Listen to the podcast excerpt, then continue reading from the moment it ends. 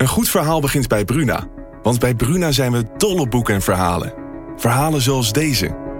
De slagen van de noodklok dreunen over het dorp. Zwaar en dreigend.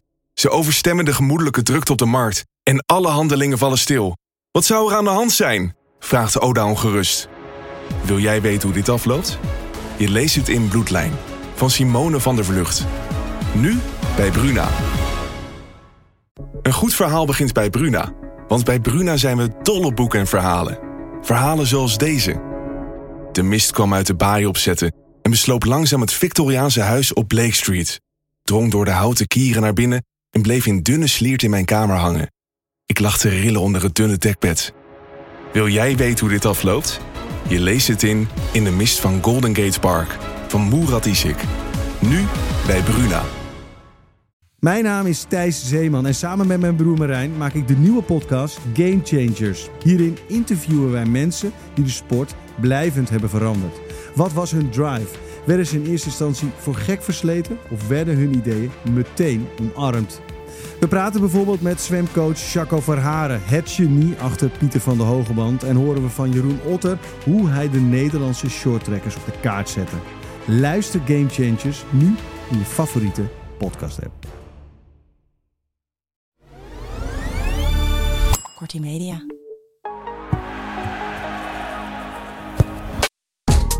Ik zou naar, naar 40 andere plekken in de wereld tien keer liever gaan dan naar Saoedi-Arabië. Omdat het me A, niet zo heel erg aanspreekt wat daar gebeurt. En B, omdat het volgens mij landen zijn die mij interessanter lijken. Maar ook natuurlijk geldt voor mij ook als er een shitload of money tegenover zou Ja? staan. Ja, zou, zou, dat, zou, dat, zou ik daar wel aan gaan tornen. Ja. In deze aflevering de huidige aanvoerder van de voetbalclub Sparta. De club waar voetballers als John de Wolf, Louis van Gaal, Danny Blind en Kevin Strootman groot werden. En onze gast van vandaag is hard op weg om een Mr. Sparta te worden. Je hebt toch ongetwijfeld eentje voor jezelf Nou ja, ook? kijk, nu ga ik hem op glad ijs begeven. maar ik ben En ook- dit gaat hij niet uitknippen. maar ik zeg ook, ja, kijk, Bartje, Bartje, Bartje Vriends. Ja, ik vind het niet heel lekker, maar ik vind het, de melodie van Brazil, la la la la la la, vind ik een stuk lekkerder. Ja, vul het maar in.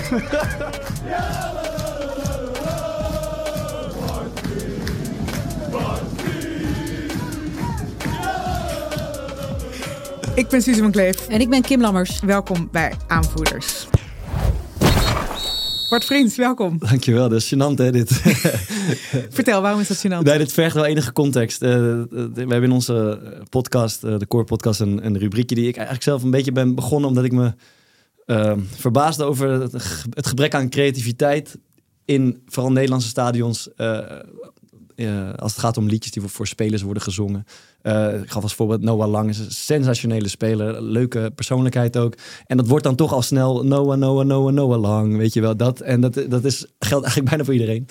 Ehm, dus we hebben een soort eh, running gag van gemaakt. En Maarten, een van de vrienden met wie ik de podcast maak, die gooide het uiteraard ook bij mij voor de voeten. En ik kon toch de verleiding niet weerstaan om te erkennen dat ik ook wel eens een de- zo'n deuntje voor mezelf in mijn, in mijn hoofd heb. Dus met enige voorzichtigheid en nuance pers ik dat er dan toch uit. Eh, en eh, grappig genoeg eh, er wordt er best wel veel naar geluisterd, eh, naar die podcast zelf. En scoorde ik, denk twee weken later... Twee doelpunten tegen Volendam en werd dit door het uitvak overgenomen. en dan klinkt het toch alsof je je eigen liedje hebt geïntroduceerd en bedacht. Wat dus heel gevaarlijk is voor een voetballer om te doen. Eh, en eerlijk gezegd is dat Het- ook, is is dat ook de zo. uitkomst.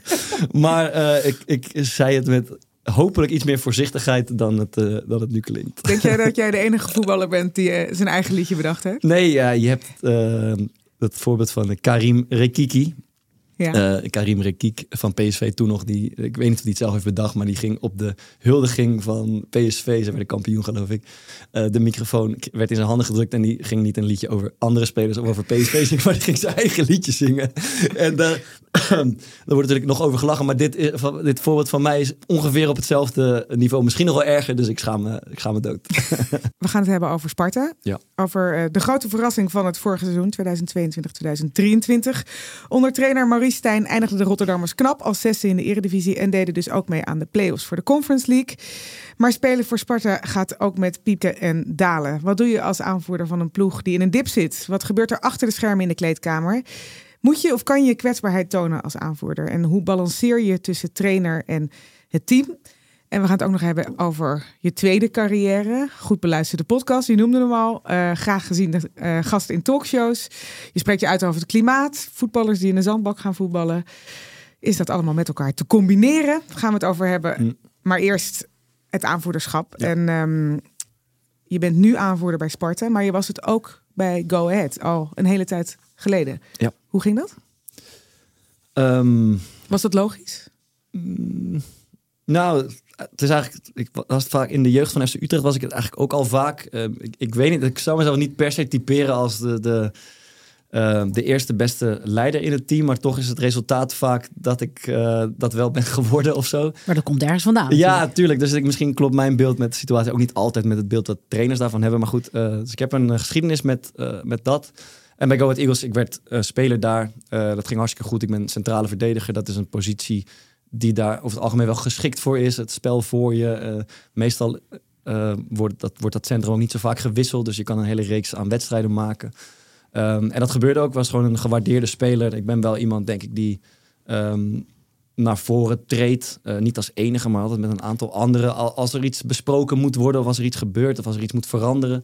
en zodoende groeien in die rol. En toen was denk ik Marnix Kolder aanvoerder, die was op leeftijd, die stopte ermee. Ik was al de tweede aanvoerder. Ik ging al vaker spelen dan dat hij speelde. En zo ging die als vanzelfsprekend uiteindelijk naar mij toe. Ja, je zegt ik, ik ben misschien niet het aanvoerderstype, maar wat, wat mis je dan aan jezelf waarvan je denkt dat hoort bij een aanvoerder? Ja, weet ik eigenlijk niet zo goed, maar je hebt al snel een beeld van de leider of de aanvoerder als degene die altijd het hoogste woord heeft of uh, het meeste geluid maakt of um, altijd naar voren treedt of zo. Zoals je in de klas al vrij snel twee, drie mensen kan aanwijzen die het meest uh, in, in, in de spotlights uh, treden. Um, dat ben ik niet per se. Ik ben ook niet heel bleu of verlegen, maar het zit er ergens. Er, er zit iets van me in beide dingen. Um, ja, en ik denk dat het uit, ja, uiteindelijk hoef je dus ook niet de luidste van het team te zijn om tot aanvoerder eh, te worden gebombardeerd. Uh, dat blijkt.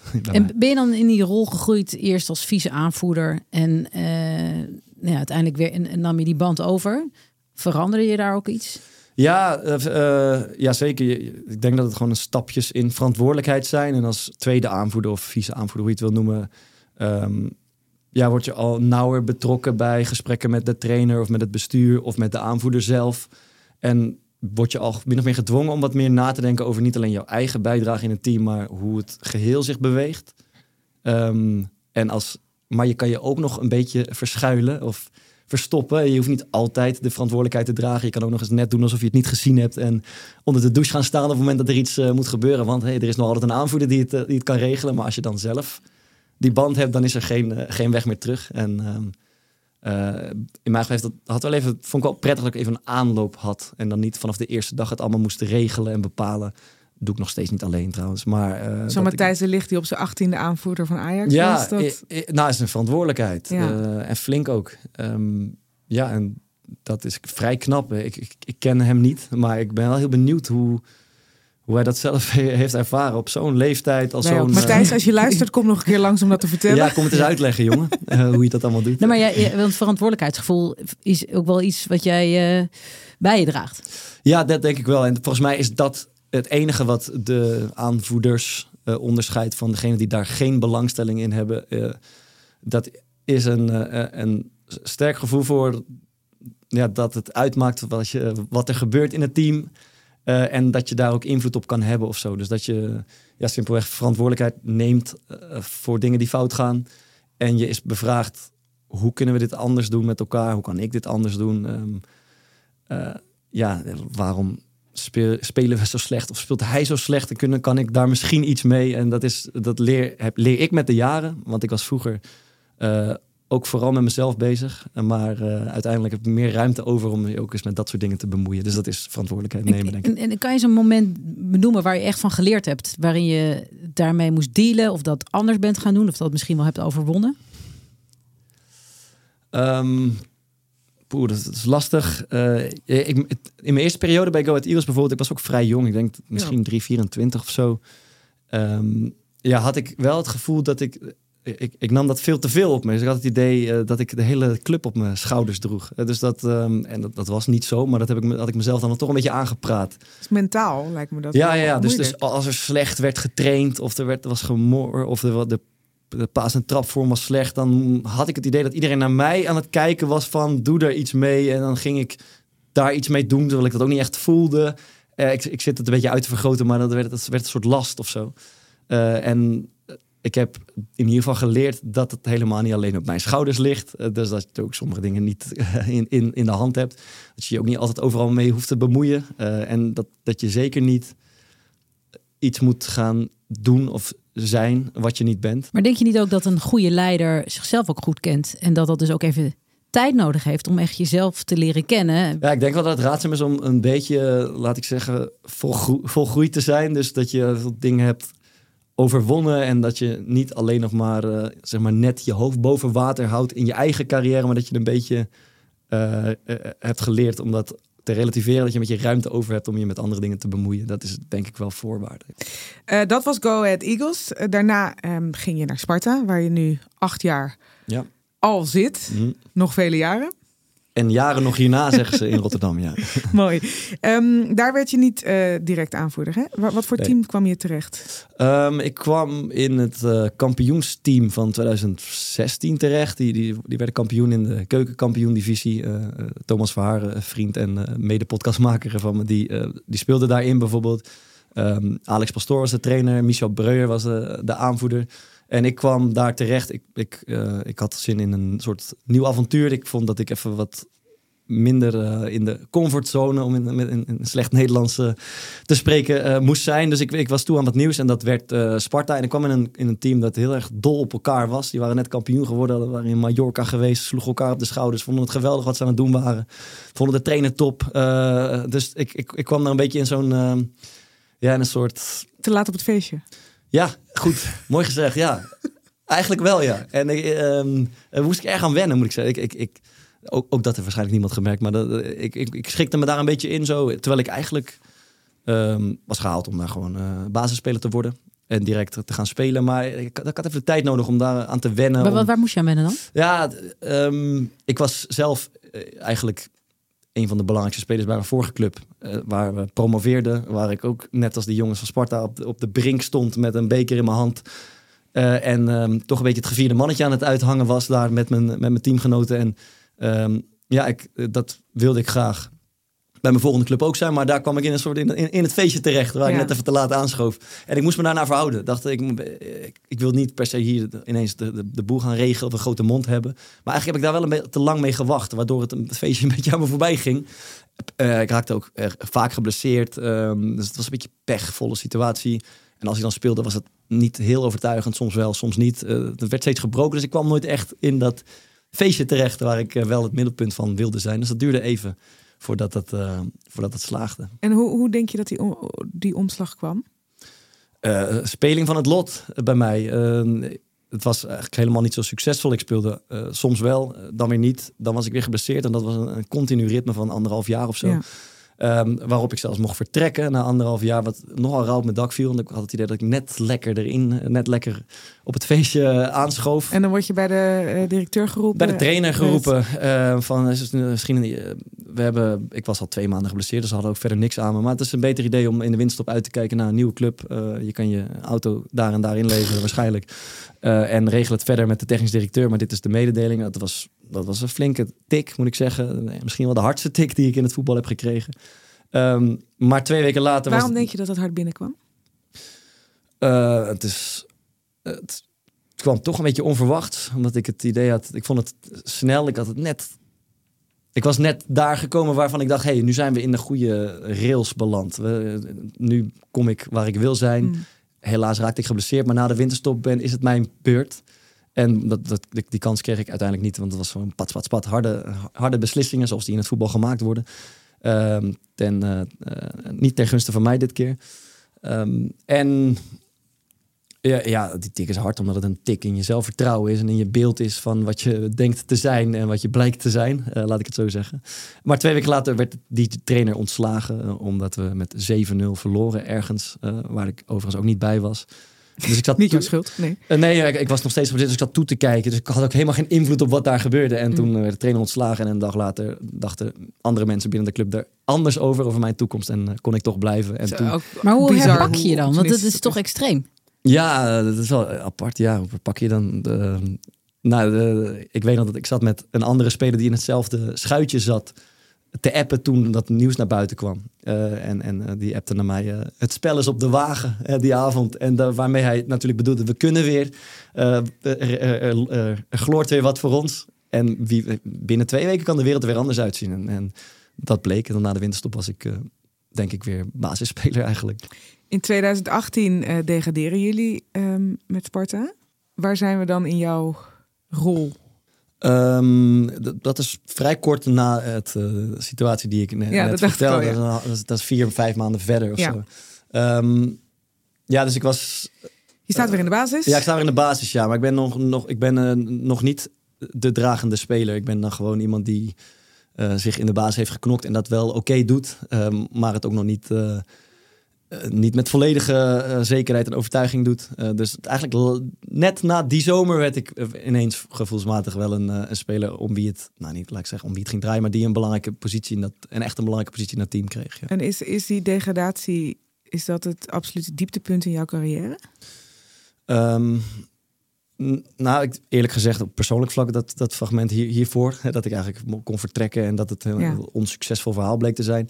Ehm, nou, daar vind ik, vond ik die degradatie bij Go Ahead Eagles zwaarder, eh, omdat ik daar aanvoerder was ja. ook en daar wel een eh, hele vaste rol had en alles speelde. En eh, dat we het niet voor elkaar kregen om, om, niet, om erin te blijven.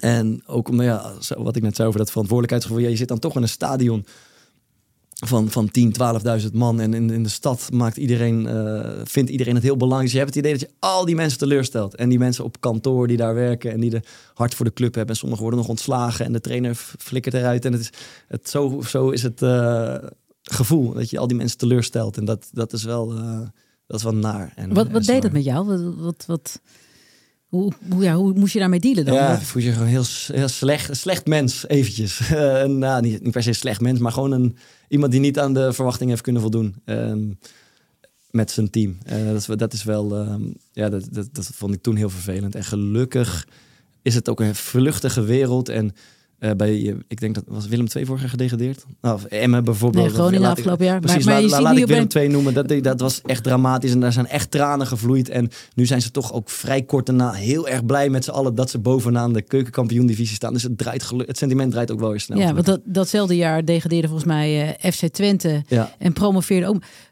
Ik snap als je in dat proces zit en je voelt misschien ook al ergens, het gaat ons gewoon niet meer lukken. Ja.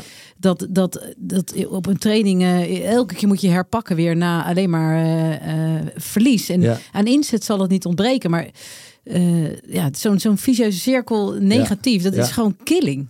Ja, zeker. De- misschien is het degradatiemoment niet eens het leermoment, maar de periode daarvoor is het interessantst. Wat daar, want daar, dat is de periode dat vertrouwen wegvloeit, dat, dat je mm, gaat spelen met, voor het publiek dat begint te fluiten, waar, en dat er een soort zenuwachtig eh, sfeer in de groep hangt, dat er cynisme ontstaat, dat er spelers zijn die misschien er met de pet naar gooien of juist heel overijverig worden, dan, eh, daar wordt het tricky. En wat Was ik- dat bij jullie ook zo? ja, dat is bij, volgens mij is dat bij elk team dat degradeert. En wat ik daar wel van heb geleerd is dat, eh, dat vroegtijdig signaleren en ingrijpen, of jij dat nou doet, of de trainer of de technisch directeur, wel raadzaam is, denk ik. Dus ja, en wat, hadden ze kunnen doen dan? Ehm, nou, in dat, in dat specifieke jaar, het is moeilijk, maar je hebt, nou ja, bijvoorbeeld een eh, afscheid nemen van een aantal spelers die eh, niet helemaal meekomen of die ja, toch een beetje als een soort ballast beginnen te voelen. Of afscheid nemen van de trainer eh, op een eerder moment als het niet, als het niet werkt. Of ehm, m- eerder als team bespreken wat er aan de hand is. En dat niet pas in, in mei of, of april doen, als je eigenlijk al onderaan staat of dreigt te staan. Maar liever in februari. Ehm, ja, dat, dat soort Ja, zaken. be- Of- benoemen dingen- voor het gaat eh, rotten of Ja, ja, ja, of zo. dat denk ik wel, ja. Dat denk ik wel. En oh, ja, het liefst ook niet alleen benoemen, maar ook oplossen voordat het, eh, voordat het te laat is. En in de, zo, had het van de week was het Volendam tegen Fortuna. Dat die zitten eigenlijk wel toch in de alarmfase allebei. Volendam Vitesse. Sorry, Vitesse eh, Volendam. Ja. Vitesse eh, Volendam.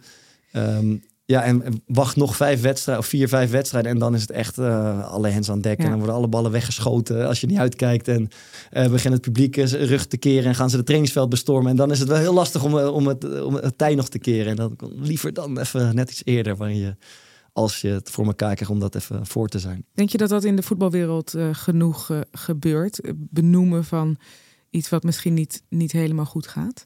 En dat met elkaar bespreken en vervolgens een oplossing zoeken? Eh, dat is denk ik een deel wat misschien wat te lang blijft liggen, ja. Hm. Dat, da- en, en dat is Het is vaak ook iets wat onbesproken blijft. Hè? Ja. Ik heb eh, een team gecoacht wat eh, mijn eigen club Laren, waar ik heel lang heb gespeeld, eh, stond heel slecht voor. Ik ben gaan helpen als assistent. Ja. En je wist gewoon, er wordt aan spelers getrokken. Eh, dit team, dit is een grote naam in de, in de hockeysport. Weet je, die hoort, die hoort echt niet te degraderen. Ja. En dan blijven dingen onbesprookbaar. Want die mag niet weten dat die al weggaat. Ja. Die mag niet weten. En, en dan is het denk ik op zo'n moment juist heel goed om gewoon eh, alles op tafel te leggen. Ja. Het is heel, dan laat je je leiden door angst. Terwijl, ja, wat kan je nog wel doen? Weet je, je staat er slecht voor, maar en hoe hard hebben we elkaar nodig? En inderdaad, wat speelt er al in hoofden bij spelers? Want als die al met hun hoofd bij een andere club zijn, dat gaat natuurlijk niet de prestaties bevorderen. Ja, dat is eh, niet iets waar de voetbal heel denk ik onbekend staat. Ehm, Er hebben heel, zoveel belangen. Hè? Ik snap ook, geld speelt zo'n grote rol. Eh, wat als jij als speler al weet, ik ga toch volgend jaar eh, blijf ik in de eredivisie. Wat, wat kan mij het nog schelen? ja. Ja, die belangen, die zijn wel anders in de Ja, sport. En dat lijkt me gewoon ook heel lastig. Ja, en dat, dat zijn dingen die niet op, snel op tafel komen. En dat is, als je het hebt over de dingen waar ik van geleerd heb, dat, dat is wel nodig om dat op tafel te brengen. En, en nu bij Sparta ik, ik, eh, is dat eigenlijk hetzelfde gebeurd. We zitten in een wat lastigere periode. Ehm, het is van de week naar buiten gekomen, dus ik permitteer het me ook om hier te zeggen. We hebben als team besloten om eens met elkaar te praten. Ehm, zonder trainers, zonder media en zeker zonder directeur en alles gewoon onderling. En Gaat het Eh, dan over, de, ik bedoel, ik snap dat je hier niet gaat delen wat, eh, wat daar gezegd is. Mhm. Maar kan je wel, gaat het over de onderlinge relaties? Gaat het over inzet? Waar, waar gaat het over? Eh, een beetje de. Laat ik iets, iets toch een beetje algemeen. Nee, een beetje de. ehm, eh, een beetje het doorbreken van een patroon, wat er dan toch een beetje insluipt. Het is oké, het is soms goed, het is soms minder. maar Het wordt net iets te automatisch allemaal. En wat kunnen we nou als team veranderen om dat eens een beetje te doorbreken en om net even eh, scherp is het allerlelijkste woord in de, in de voetbalwereld, maar toch om net even iets meer de urgentie of zo te kweken, waardoor we niet verzanden in, en zometeen in, in de onderste regionen, maar waardoor we het nu nog kunnen breken als het lukt eh, en gewoon lekker naar het einde van het seizoen goed kunnen spelen. En dat, eh, en eh, dat is de basis van zo'n gesprek. En daar komen natuurlijk ook andere dingen uit voort als je iedereen aan het woord laat. Maar ik vind dit, dat, ik vind dit onduidelijk. Ik vind dat we hier beter moeten communiceren. Ik voel dat we op twee gedachten hinken op het, in het veld. Dat soort dingen komen dan natuurlijk ook op tafel. En bedenk jij dat dan als aanvoerder? Dat ik- jullie moeten gaan zitten? Ja, ik, heb, ik doe dat, laat ik zeggen. Ja, we doen het samen met een twee, drie andere spelers. Eh, denk ik dat we de meeste verantwoordelijkheid naar ons toe trekken. Af en toe samen zitten eh, en daarover praten. Dus ik doe dat niet alleen. Eh Nicolai is daar veel bij betrokken, de keeper. Jonathan de Guzman, een middenvelder. Heel veel ervaring Veel natuurlijk. ervaring. ehm, heeft ook in het buitenland Ja. gespeeld. Is, is een goede speler ook. En zo eh, Arno Verschuren, Clement. Jongens die al langer meedoen. Dat is een beetje de, de kopgroep, laat ik, laat ik zeggen. En niet alleen in het spel. Want we hebben ook spelers die misschien wel beter zijn dan deze vijf. Maar wel in het bewaken van wat we aan het doen zijn. Dus da- daar is het, uit dat groepje is dat ontstaan. Ja. Ja. En, en dan gaan jullie met twintig man aan een tafel zitten. In de kleedkamer. In de kleedkamer, En mooi. dan, we- je kan allemaal verspreid zitten zo. Maar we, dan zitten we ook allemaal zo, eh, toch even dicht bij elkaar op een bank dat iedereen zichtbaar is. Ehm, en eh, ja, ik, ik open dat dan en dat wordt aangevuld door mijn kameraden om me heen. En dat wordt dan aangevuld met jongens die, die ook wat willen zeggen. En dan wordt het een best wel dynamisch gesprek. Het is de afgelopen jaren bij Sparta best goed gegaan, denk ik dat we kunnen Ja, ja de, de, het geheugen is kort. Kort, ja, nee, dat, eigenlijk dat wil ik inderdaad. Ja, precies. Nee, want jullie, jullie komen vanuit eh, degradatiezone, Ja. inderdaad, anderhalf jaar geleden. Hoe, hoe eh, is die verandering dan zo snel ingezet? Dat je nu een gebalanceerd team hebt. Ja, eh, Maurice Stijn werd toen trainer en die zei geloof ik de, de tweede dag, ik had het vergeten, die jullie pleuren bijna de, of jullie pleurden bijna de krant uit. Hè? We stonden zeg maar stijf onderaan. Eh, eh, en en eh, er was eigenlijk geen, bijna geen eer meer te behalen. Nou, dat is gelukkig goed gegaan. Ehm, en, en ja, dan is er dus toch een soort vliegwiel op gang gekomen, om een, een beetje algemene term te gebruiken, waarin er worden er uiteindelijk wat betere spelers gehaald die wat toevoegen aan ons. De positiviteit is terug, het vertrouwen is terug. Eh, de zin om te winnen van Herenveen is terug in plaats van de angst om te verliezen eh, van, van Herenveen, begrijp je? En dan wordt het ineens heel eh, interessant en lekker en gemakkelijk om weer te spelen in plaats van verkrampt en zo. Ja, maar er is ook wel een proces ingezet onder leiding van die nieuwe trainer. Ja, ehm, ja en, en dat is moeilijk om te duiden, maar soms zit, hem in, zit dat hem. Op dat moment hadden wij denk ik nodig dat de lucht er een beetje werd uitgeblazen. Simpelweg ga gewoon lekker voetballen, jongens. Um, de druk eraf, de lucht erin. Een beetje, ja. En niet met die woorden, maar dat is, als ik daarop terugkijk, denk ik wat er een beetje is gebeurd. Ja. Laat verkramping, uh, spanning, het zit een, een, beetje vast, zit, zaten we. En we hadden onder de vorige trainer ook tijdlang hele goede resultaten gehaald, maar dat, dat appte weg. En dan zaten we een beetje vast en toen ontstond er iets nieuws en gingen we wat vrijer en wat uh, met meer glimlach spelen of zo. Ja, je en hebt dat, een glimlach als je erover vertelt. Ja, het is, uh, voetbal is, is, sport überhaupt. Het is, het is heel fragiel. Het is soms moeilijk om te duiden waar het hem precies in zit. En, som, en geluk en toeval spelen ook een hele grote rol. Ja. Maar uh, ja, ik herinner me die. Er waren vier wedstrijden voor het einde waren we ten dode opgeschreven en we wonnen alle, of we speelden één gelijk en wonnen de laatste drie wedstrijden. In de, tegen allemaal concurrenten in de brandende zon. En toen dacht ik, die hebben we allemaal naar huis getikt. En die degradeerden wel en wij niet. En dan kijk je om je heen en denk je, tering, dat hebben we toch maar geregeld met elkaar. Ja, ik, gek veel mooier wordt het niet. En wat voor spelers kwamen erbij waardoor je ook weer die volgende stap kon maken? Is dat echt puur in, in voetbalkwaliteit? Of Ja. ook aangevuld op wat je in het team met lef misschien dat moment nodig hebt? Of, ja, eerlijk gezegd zat hem dat vooral in kwaliteit. Eh, gewoon een mannetje sputter op het middenveld. Een, een, super eh, balvaste spits en een creatieveling uh, uit Japan. En, We kunnen dat- ze allemaal invullen. De ja, dan, dan ben je er eigenlijk al bijna. En dat is, eh, eh, nou, moet ik zeggen, Jury de Kamps kwam bij ons spelen in de, in de winterstop. En dat is, die heeft een half jaar gespeeld en ging daarna weer weg. Ja. Maar ik vond bijvoorbeeld dat hij ook in zijn persoonlijkheid als, eh, eh, heel veel toevoegde in die, in die dat? cruciale van, nou ja, eh, power en onverzettelijkheid en eh, cojones zouden ze in Spanje zeggen, gewoon eh, ballen. Ehm, ja, dat, eh, dat, ik vind dat hij daar een hele belangrijke, stiekem een belangrijke rol in speelde. Eh bravoer en het hoofd omhoog en dat ook uitstralen en, en eh, vertellen. En dat vond ik een, eh, een belangrijke bijdrage. Ja. Ja, jullie handhaven je. Vervolgens eh, hebben jullie een heel succesvol seizoen. Ja. Eh, dat team wordt eh, zesde. Jij bent in dat seizoen groeien ook naar dat aanvoerderschap toe, hè? Ja, eerlijk, denk al iets eerder hoor. eh, Onder Henk Vrezen eigenlijk ook al vaak. Je Adil tweede Awas- aanvoerder. Ja, eh, Adil Awassar was onze aanvoerder en volkomen terecht.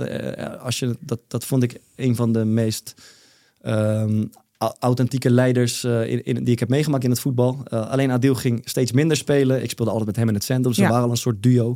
Ehm, ik speelde nog steeds wel. Adil stopte uiteindelijk en toen ging de band naar mij Maar hij over. was wel een rolmodel van jou. Wat, wat heb jij van hem geleerd wat je misschien ook wel meeneemt in jouw huidige rol als aanvoerder? Nou, hij, hij is heel, in alles anders dan ik. Ik denk dat wij toch een beetje eh, good cop, bad cop waren. En, eh, en dan eh, mag jij raden wie de bad cop was? Jij.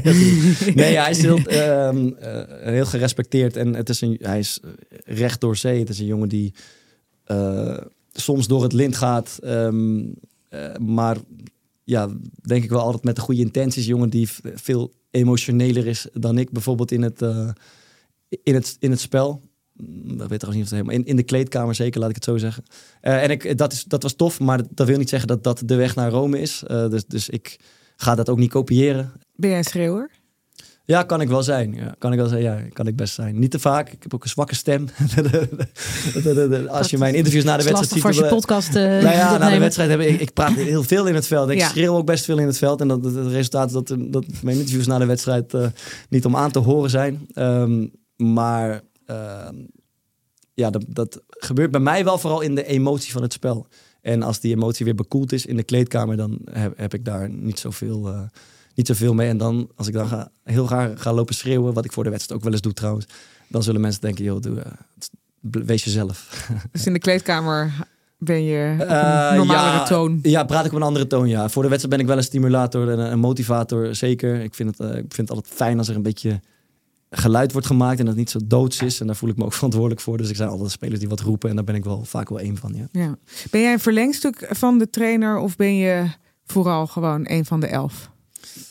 Ik ben wel een... ehm, ik ben wel denk ik een beetje... eh, nou, groot woord, de, de, de woordvoerder van het team of zo. Ik, ik, ik ben wel degene met, met wie ik contact heb met de trainer. Maar ik moet altijd oppassen dat het, ehm, dat het niet te veel naar één kant helpt en, en naar de andere. En als ik een kant zou moeten kiezen, zou ik altijd de kant van de spelers van mijn team kiezen. Maar natuurlijk is er eh, tussen mij en de trainer veel contact. Dus ik ben in zekere zin wel, eh, wel een verlengstuk van hem. Ik geef, ik geef mijn ideeën over het team. Ik geef hem eh, soms informatie waar hij wat mee kan of niet. en hij vraagt af en toe aan mij, wat vind je hiervan? Hoe zullen we dit doen? Of hij legt uit wat hij van plan is. Ehm, maar ik, ik kies toch altijd vooral de kant van het team dan eerder dan de kant van de trainer. Zo. Dus als er een trainer in discussie is met een speler in de kleedkamer, welke kant kies je dan? Um, Oeh, dat is lastig.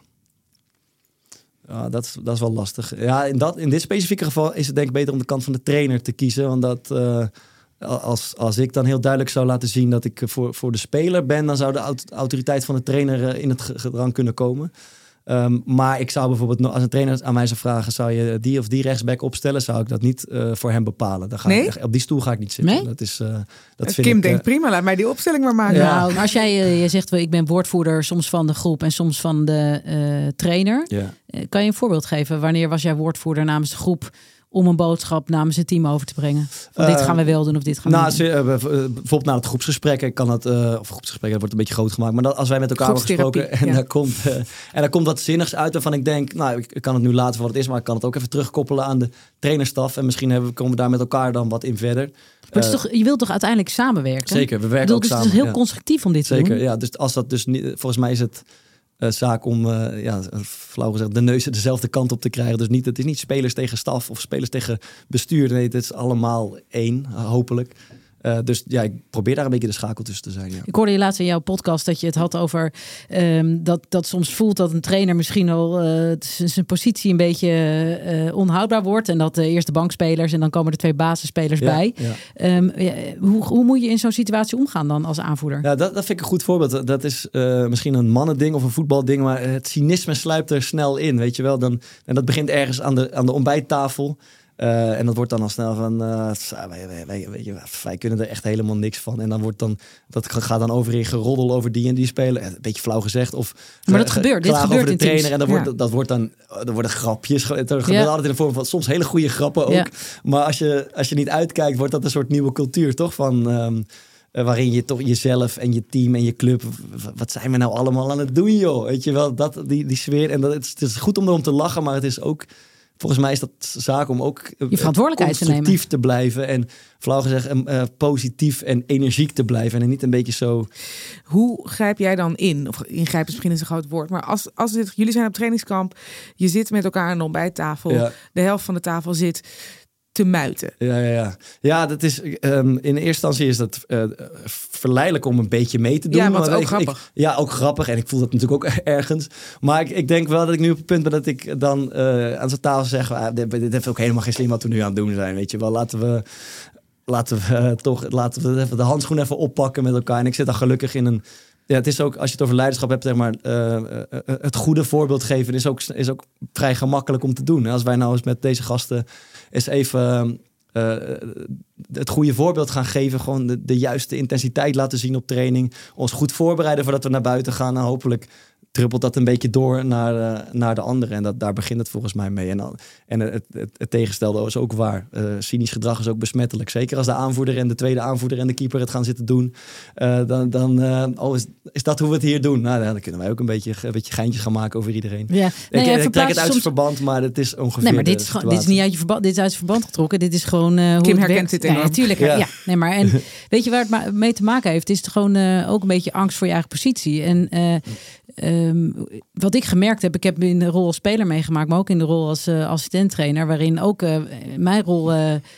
Uh, nou ja, niet, niet zo uh, zeker was dat, ik, dat wij in die rol als uh, staf bleven. Mhm. Maar de intentie moet altijd zijn om samen te werken met Ja. elkaar. Dus, dus hoe ga je het beste uit elkaar halen? En kan je open en eerlijk zijn om uiteindelijk... We hebben hetzelfde belang. Dat is namelijk uh, zorgen Ja. dat we kampioen worden. Ja. Dus ik vind dat we daar als speler en als, als staf... heb je daar je verantwoordelijkheid in te nemen. En dat is verschrikkelijk lastig. Zeker als je, als je in een groep zit met allemaal jongens uit verschillende nationaliteiten. De, ene, de helft is gehuurd, de andere helft niet.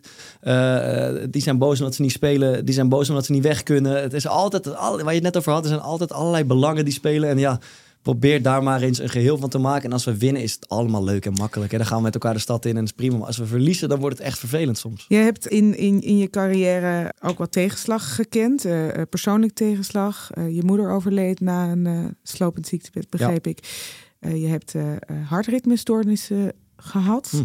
Hm. ja. Noem even al je akelige momenten. Nee, medisch dossier. Ja, precies.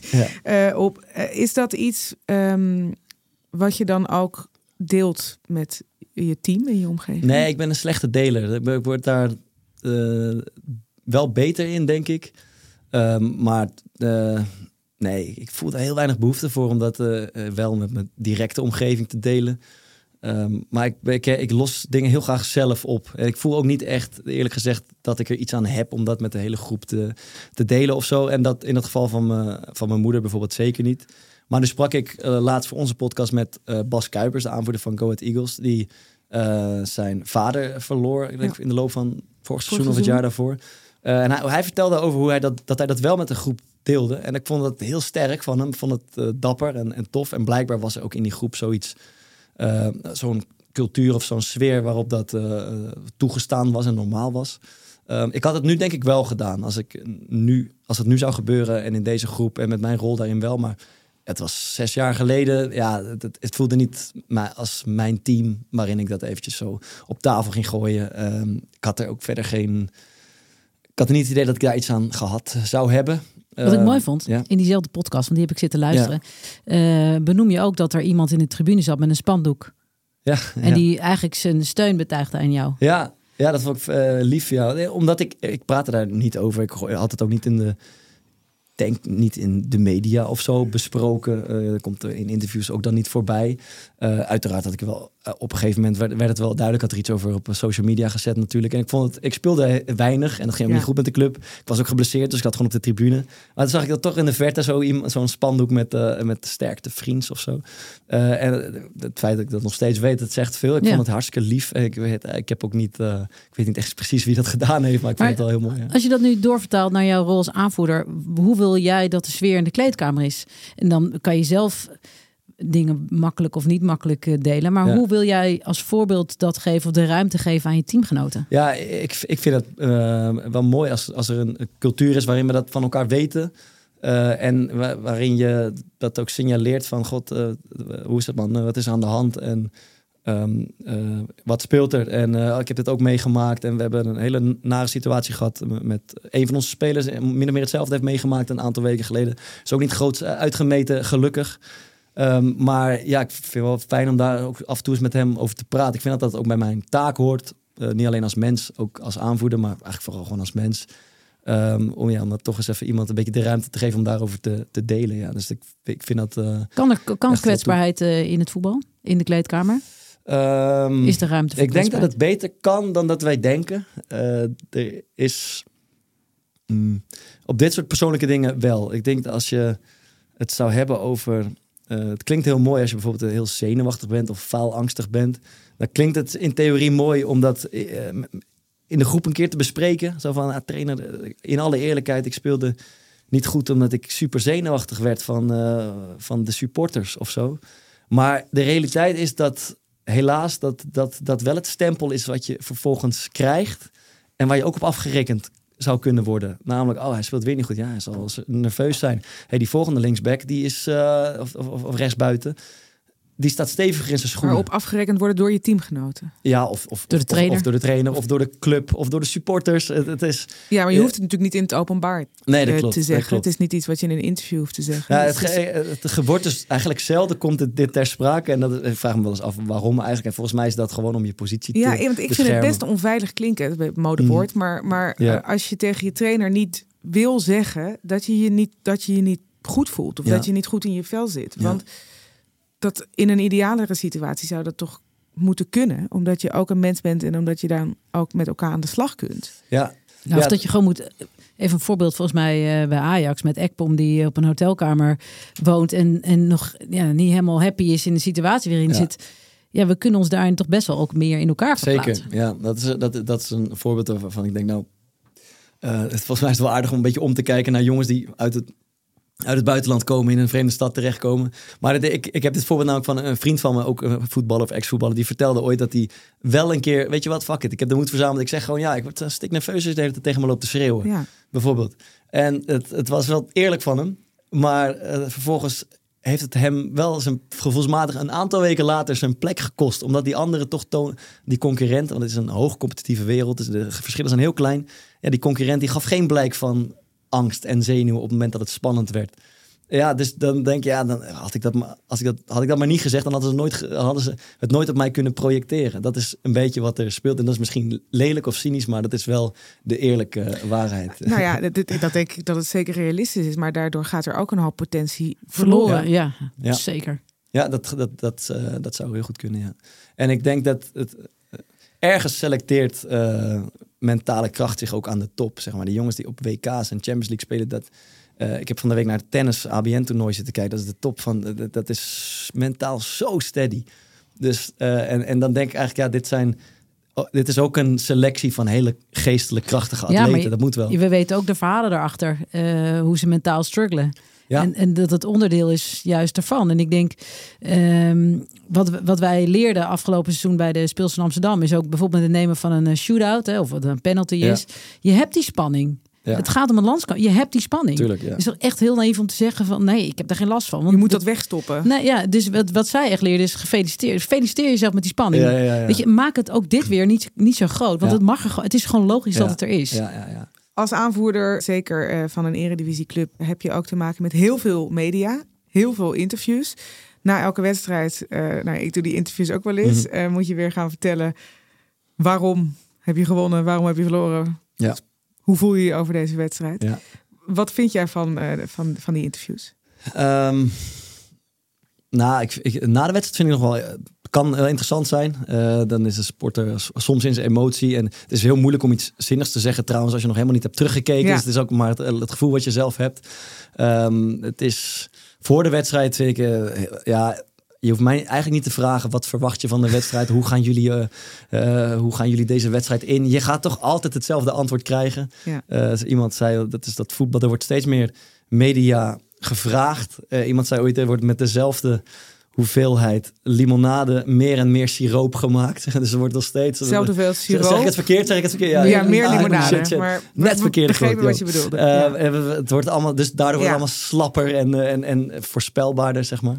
Ehm, dus, dus, dus dat gedeelte niet, maar ik, ik vind het eh, na de wedstrijd wel, wel, kan het wel zinvol zijn. Maar de speler is niet altijd heel erg getalenteerd in, in het spreken eh, en, of in het ehm, erkennen wat er fout of goed gaat tijdens een wedstrijd.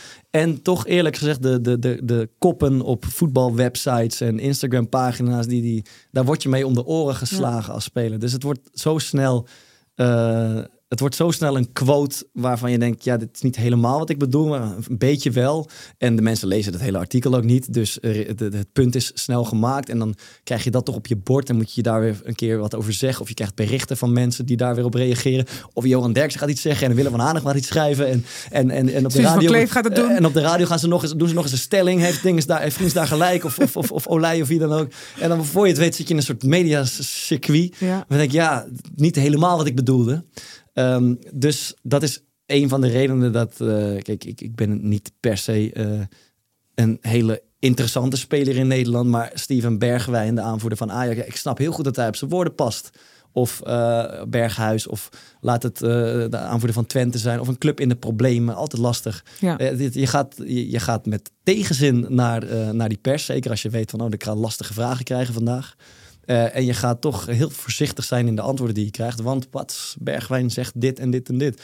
En dan denkt de helft van, "Oh, wat lult hij nou? De- de- hij vraagt er niet om, Nee. maar het wordt hem gevraagd. En dan krijg je, eh, ja, dan krijg je het, het grote circus eroverheen. Ja. Ja, dus je vindt die kritiek die eh, daar dan af en toe op is, de, om, de omgang van de, met de media, vind je niet terecht. Eh, van spelers. Ja. Eh, ehm, ik, ik kan het me goed voorstellen. Ik denk wel dat ehm, ja, eh, een zekere handigheid is daar wel. Het is, het is ook entertainment, weet je wel. Dus het Ja. is een zekere handigheid kan er wel in ontwikkeld worden. Daar kunnen spelers wel in, in bijgeschaafd, bijgestuurd worden. Ehm, maar ik zou Want nu denk ik vaak, ja, je bent gewoon doodgemediatraind. Ja, dat gebeurt. Dat is een, Ja. misvatting hoor. Dat is, Ja? eh, ik heb Ja, ze- nog nooit mediatraining gehad. En ik ken ja, misschien in mijn team een paar die dan Ja. in de jeugd een keer twee sessies hebben gedaan. Maar dat is niet iets waar consequent op ge- getraind wordt. Nee, maar ze gaan dus vanzelf op de rem staan omdat Ja. je bang We bent. trainen voor elkaar. We kopiëren elkaar. Ja. En de clickbait houdt ons in het gareel, zou ik willen zeggen. En ook, ehm, eh, ja, de voetballer heeft ook niet zo gek veel. Zeker de grote voetballer heeft niet zo heel veel te winnen met een gesprek, eh, met alle respect, met de, met de NOS of met Rijnmond of met AT5. Eh, ja, waar ze wel wat mee te winnen hebben is hun eigen foto op Instagram en daar de beste caption bij bedenken. Maar eh, je kan eigenlijk alleen vaak voelt het alsof je alleen maar kan verliezen. Je ook vast, straks zeg ik foute dingen en wordt het uitgemeten. Dus dat is het verhaal, denk ik. Vind je het leuk om aanvoerder te zijn? Ja, ik heb er veel, veel plezier in. Mooie vraag. ik, heb, ik had dat dus acht jaar geleden vond ik het een. Eh, eh, nou, bijna iets. eh, nou, ik ga het heel groot zeggen, een soort ambt wat ik aanvaard of zo. En eh, dat was een soort. eh, Die ambtsketting was te zwaar. nee, ik, vond dat, ik, ik vond dat toen wel interessant en, en spannend, maar ook een, een veran- grote verantwoordelijkheid. Dat vind ik nu nog steeds, maar ik heb er nu heel veel plezier in. Ik vind het leuk om bezig te zijn met veel meer dan vroeger met hoe, hoe begeven die jongens zich ten opzichte van elkaar. Wat kan ik daarin betekenen? Ehm, hoe kan ik. Het is fijn om een. eh, om, ik vind het fijn om een positie te hebben waarin dat van mij geaccepteerd wordt en gewaardeerd wordt. En dat doe ik eh, graag dan. Als ik dit zo hoor, dan klink jij ook wel als iemand die nog wel in het voetbal na je carrière actief zal zijn. Ja, ik, ik roep altijd har- hard van niet. Nee. Maar ja, misschien is dat gaandeweg ook een beetje een eh, pose geworden of zo. Ehm, ik, het, het- ik zie mezelf niet zo snel een, een trainer worden, maar... eh, Assistent. ja, wie weet, ja. Ik vind het eh, eh, overduidelijk wel een wereld, een interessante wereld om over na te denken. En dan niet alleen of we met een ruit gaan spelen of eh, overlappende backs, maar wel over processen en ehm, eh, ontwikkelingen. Lelijke woorden allemaal, maar ik vind, dat vind ik wel vet. Ja, dat vind ik, het is wel een, als je inzoomt op sport en op voetbal, vind ik het tof. Ehm, en de romantiek ervan vind ik ook eigenlijk mooi. Alleen het trainersvak zou mij niet zo trekken. Je kop ligt ook wel meteen weer op het hakblok als trainer. Dus misschien ook niet zo prettig. Maar daarom assistent, een stukje veiligheid. Ja, en lekker, dat, voetballers vinden het altijd lekker om eh, wel met de rondo te mogen meedoen als assistent trainer, maar niet eh, vooraan te hoeven staan zoals Edward Sturing als het publiek begint te fluiten. Is, is een veilige rol, is een fijne rol, ja. Ik ben nog ehm, eh, benieuwd over eh, jouw rol in de kleedkamer. In de zin dat je, je bent ook best uitgesproken over maatschappelijke ontwikkelingen. Over klimaat, over wel of niet voetballen in Saoedi-Arabië. Heb je ervan gezegd, nou, dat hoeft voor mij niet. Of dat vind ik niet oké. Ja, dat- een beetje ambivalent in het laatste, maar goed. eh, ik Als ze maar je- genoeg geld bieden, bedoel je?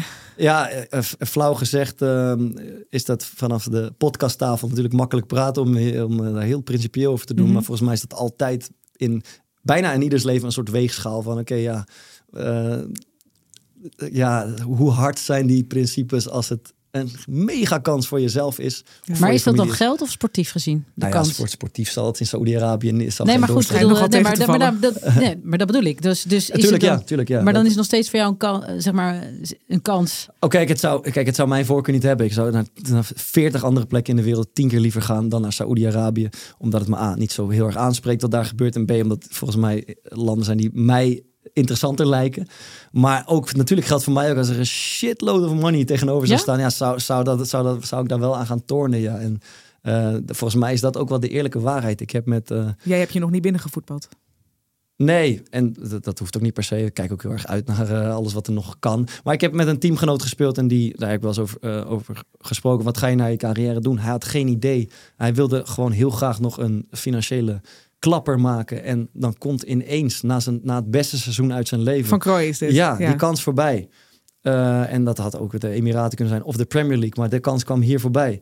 En ja, natuurlijk pakt hij die kans en, eh, en, en krijgt hij waar hij altijd van had gehoopt dat hij het zou krijgen. En kijk, ik, ik heb wat vraagtekens wel eens gesteld bij spelers die al 400 miljoen hebben verdiend in hun carrière en bij Liverpool, de mooiste club van de wereld, spelen. En dan nog eventjes twee jaar nog een keer dat te gaan ophalen. Denk je, ja, god, moet dat nou op die manier? Kan dat niet chiquer of mooier? Dat Maar ik vind, het wel, ik vind het wel altijd ingewikkeld om vanuit de, de, de talkshowtafel of de, de podcasttafel over andermans eh, portemonnee te praten. Ja. Toch heb, Ehm, ik, heb ik toch even gedaan. Je hebt ook wel eens kritiek op, eh, op, op spelers die, die heel flashy zijn op social media. Waarom is dat? Ehm, nou, ook ik, ja, ik, mis- misschien ben ik zelf ook flashy eh, op social media. En voor een deel is dat, denk ik iedereen dat wel. Maar eh, ik denk dat de voetbal is, voetbal is zo groot. Er heeft zoveel macht en invloed. Er kijken zoveel mensen naar. Er gaat zoveel geld in om. Er gaat zo mega veel aandacht naar uit. Dat dat ook wel eens eh, ten goede ingezet kan worden. Dat is, daar ligt een enorm eh, potentieel volgens mij.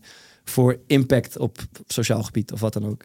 En uh, als de houding alleen maar is, uh, uh, look at me, kijk wat ik voor bekers in de lucht hou, kijk wat voor Lamborghini ik rij en hoe vet ik en mijn vrienden het hebben geregeld voor onszelf. Dat is wel tof ook om naar te kijken soms, maar het is ook een gemiste kans als, dat niet, als je daar niet af en toe ook iets zinvols zou doen met, die, met dat podium wat je krijgt. En misschien doen sommige spelers het wel, maar ik zie het niet heel, heel vaak terug. Hebben jullie het hier wel eens over? Nou, ik, dit, als het hierover gaat, dit onderwerp, en ik praat er best graag over, maar ik doe het wel echt altijd op individuele titel. Want ik vind het lastig om, ik vind geen prettige rol om anderen te wijzen op. Nee, Doe- maar ik kan me voorstellen, jij, jij doet, je, je bent ambassadeur voor een klimaat. Ja, het eh, klimaat, dat gaat over het, ver- eh, het eh, verduurzamen van eh 10.000 sportverenigingen in, in Nederland. Ja. Dat is de insteek in ieder geval, en daar ben ik aan gelieerd, ja. En hoe kijken je teamgenoten als je het daarover hebt? Nou, het, als je me dat eh, vijf jaar geleden had gevraagd, hoe zouden ze daarop reageren, zou ik zeggen, als ze een beetje grapjes over maken, Ja. of ze het dom vinden. Of. Niks van dat is waar. Ik, ik, ik denk, ik draag het ook gewoon. Ik hoor, het hoort bij mij. Ik, ik, heb, ik heb die wekelijkse podcast, daar gaat het ook af en toe wel eens over. Eh, zodra het natuurlijk overkomt, denk ik, eh, vindt iedereen het eigenlijk ook wel best en ook wel leuk. En misschien soms ook wel eh, inspirerend. Of niet, of Ja. niet, maar dat kan ook allebei. Het is, af en toe worden er eens grapjes over gemaakt als er iemand van de club. Ah, we zijn nu aan het verduurzamen, we hebben zonnepanelen neergelegd. Nou, dan moet je bij, kom maar bij, Bar- kom maar bij Bart, Bart, Bart, eh, vertel het Bart maar, dit verhaal. Ehm, dus, dus eerlijk gezegd eh, wordt, dat, eh, wordt dat wel eh, prima omarmd. Ehm, en er ligt er ook wel, eh, ja, moet je soms in zo'n voetbalteam. Er, er zit wel meer in dan het soms lijkt, weet je wel. Mm. Soms als er een keer een discussie ontstaat aan zo'n tafel, denk je, nou, eigenlijk is iedereen in meer, minder of meerdere mate wel best wel begaan met dingen die niet alleen met voetbal te maken hebben. Wij vragen aan iedere aanvoerder, Ja. ehm, wat mag een gouden medaille kosten? Ja. Laten we bij jou zeggen, wat mag een sportprestatie, grote sportprestatie kosten? Ehm, ja, het is eh, misschien een ontnuchterend eh, antwoord, maar misschien ook een beetje in de lijn met wat je eerder van me gehoord hebt. Ik, ik, ik, ik hecht eh, ook nogal sterk aan het, aan het leven. Er, het vliegt voorbij. Eh, er is zoveel mee te maken, te leren, te ontwikkelen, eh, aan relaties aan te gaan, et cetera. Dat, dat, dat zou, voor, daar wil ik ook niet te veel aan tornen. Dat heb ik al vanaf mijn jongste jeugd gedaan. En binnen die afspraak, laat ik zeggen, met mezelf. Ik ging gewoon naar een normale school. Ik ging gewoon op, op eh, jongere vakantie naar Mallorca. En binnen die afspraak ben ik op de club. Werk ik keihard aan wat ik doe. En ook daarnaast doe ik allerlei dingen om mijn spel te verbeteren. Maar er is altijd nog ruimte om het leven vast te houden. En, ik, ik vroeg het, want ik wist dat deze vraag ging komen. Ik vroeg het aan een vriend, wat zou jij doen? Toen zei ik zou wel een jaar als een monnik leven om de beker te winnen. En toen dacht De ik... nou, KVB-beker. ja, want dat is een beetje het niveau waar wij het over hebben. ik, ga wat, de, wat enigszins realistisch ik ga de. Champions League niet winnen, dus dat Ja, moeten, we vind ik ongeveer van je. Moeten we ongeveer daarover hebben. Eh, toen dacht ik, ik geloof niet dat eh, dat, dat voor mij geldt. Nee, Nee, want ehm, er is meer. ja, tuurlijk. Ja. Ja. En het is niet dat ik daardoor eh, altijd in de eerste ronde van de beker word uitgeschakeld, maar dan haal ik de halve finale. Maar ik heb wel een gruwelijk leven. Dat vind ik mooi. Nou, dus het verrijkt, door de dingen die je daarnaast doet, verrijkt het je sport. Nou, dat verrijkt mijn leven ook, ja, tuurlijk. Eh, gelukkig. En eh, sport is daar een heel groot onderdeel van. En er is ook heel veel tijd eh, die ik daarin steek. Ehm, maar gelukkig is de tijd daarna ook bedoeld om niet alleen maar te lummelen en de hele dag met dat voetbal bezig te zijn, maar ook om allerlei andere mooie dingen mee te maken. Dit was Aanvoerders. Mijn naam is Suze van Kleef en naast mij zit Kim Lammers. Bart, dankjewel. Ja, dat thanks. je Was leuk. er was. Abonneer je op onze podcast in je favoriete app. Dan krijg je een melding bij een nieuwe aflevering. Tips kunnen naar aanvoerders.kortimedia.nl. Dankjewel voor het luisteren.